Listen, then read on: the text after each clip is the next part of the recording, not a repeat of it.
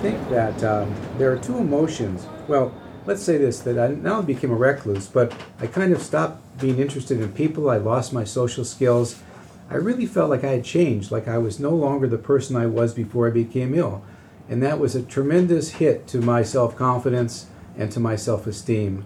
Uh, my self esteem had never been really strong. My self esteem had been sort of like like wavering. Some in some things I felt good self-esteem, and other things I didn't feel good self-esteem. So I want to say that this damaged self that, that I've been trying to heal all these years has changed, and I think that it's stronger than it once was. I think it's it's it has a kind of a perseverance and a stick-to-itiveness that I didn't have before I was hit by the illness. And I know I'm kinder to myself, and I'm more tolerant not only with myself but of other people because because I've had this kind of experience. And I think, too, that just and finally, two things. One is that I really feel more resilient, that I really can bounce back from adversity, from setbacks, from reversals. But also, I think dealing with depression for all those years has made me kind of a pessimistic person. When I first hear of things, I kind of, my, my, my first instinct is to reject them or to say, I can't do it, don't want to do it. But I know this is just a foible, and that if I wait it out and if I let these dark feelings pass, I will come back to it and um, and and accept it or and deal with it. But that's that's kind of in a nut- nutshell. You know.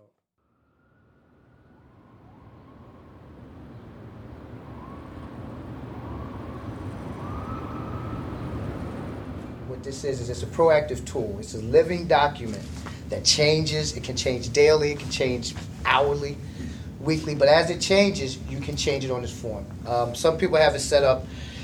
What they suggest is that you set up in a three-ring binder. There's five parts to it. The first thing that you deal with is the wellness toolbox. That's the first thing you go into. The wellness toolbox is everything that you can remember utilizing to help you get better, things that you could use now to stay better, stay well, and uh, what you could do in the future to help you stay well. Going into that, you go into daily maintenance plan. Daily maintenance plan is exactly what I've explained, but on a daily basis. What you should do, what you could do, and what you may do to stay well.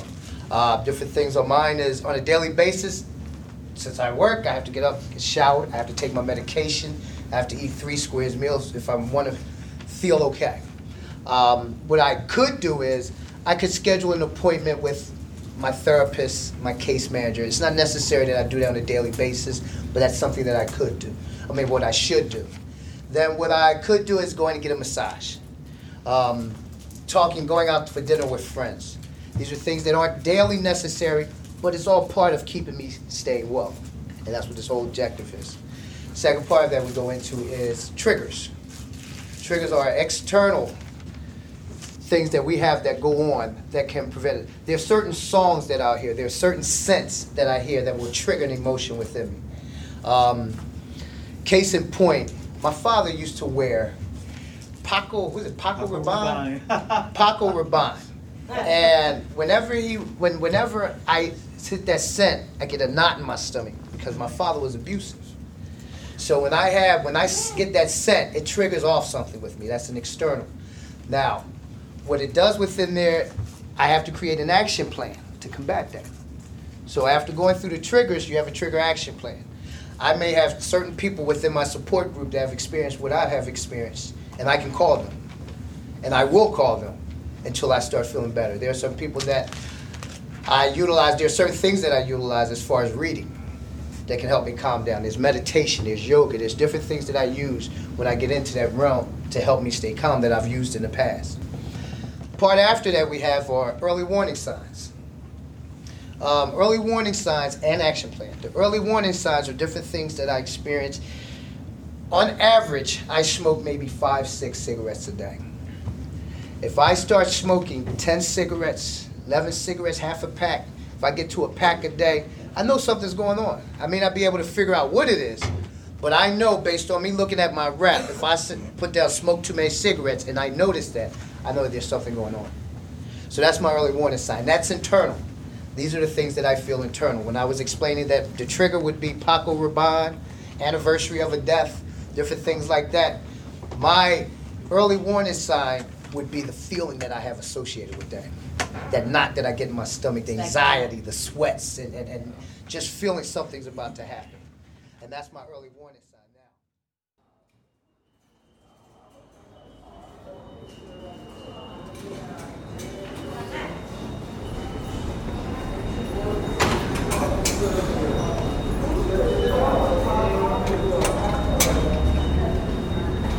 Report the Central Corporate Service. Check it out. There you go.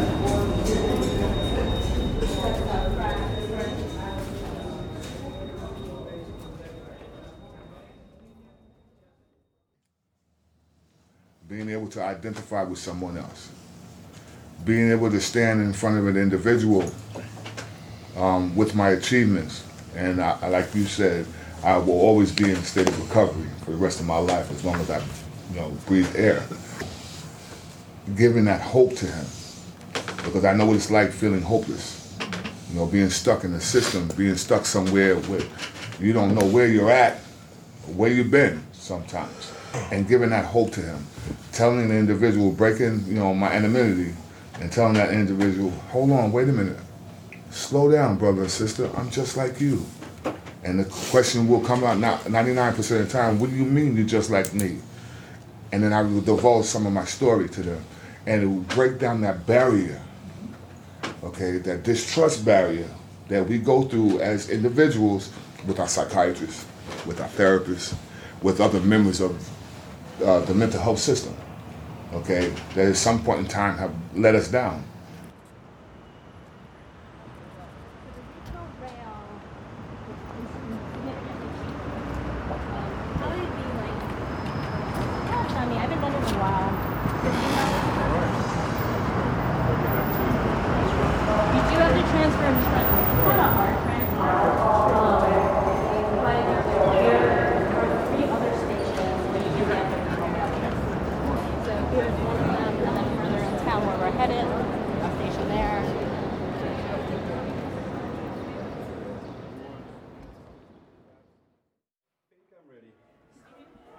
Um, would it help to, to, to uh, eradicate, to get rid of that, um, music? Would that help? Uh, you can lower it a. I like the I like it in the background. I like it. But look, but keep it low.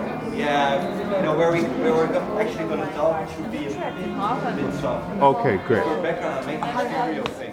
Great, great, great. All right. I like. studio space, when I work on larger pieces, uh, I usually put down a drop cloth and work on the floor. Um, I'm not very good at working upright, or maybe just because I don't have the wall space to do it, I don't. I've gotten pretty good at um, working, bending over, and painting that way. Um, Similar, like, like these paintings, these body prints, I'll tell you a little bit about those. There was a period when I was in, an inpatient where um, things were not going too well for me as, as a patient in the hospital. Um, bureaucratically, uh, they, were, they, were really, they were really bumbling and they, they were making a lot of mistakes in my case.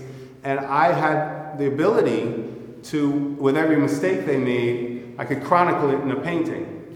And I do these very unflattering portraits of the administrators in oil paint, and um, they were not amused at all by that, to the point where they confiscated my work and took it to the administration building and pored over it for pathology to see if, like, if they could say, well, what's wrong with this guy? It, it just got really way out of hand.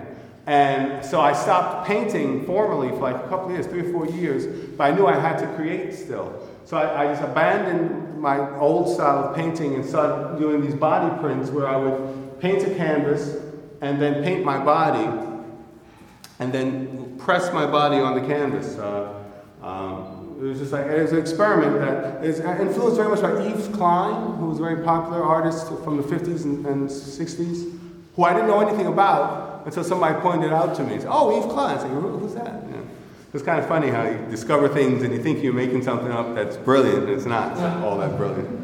Um, and th- these two, two were the first of that. And then I did this one, which I call the Rogues Gallery.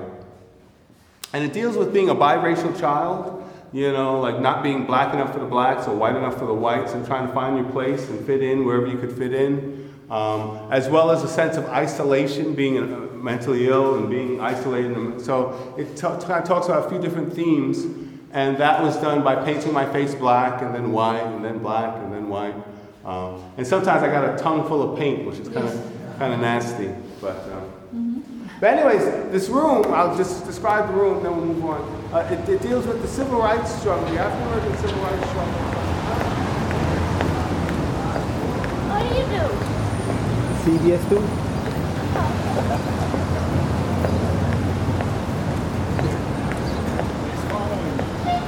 I go to Empire Beauty School right here. I hope to be on TV one day doing Yeah? um, celebrities Alright. hair.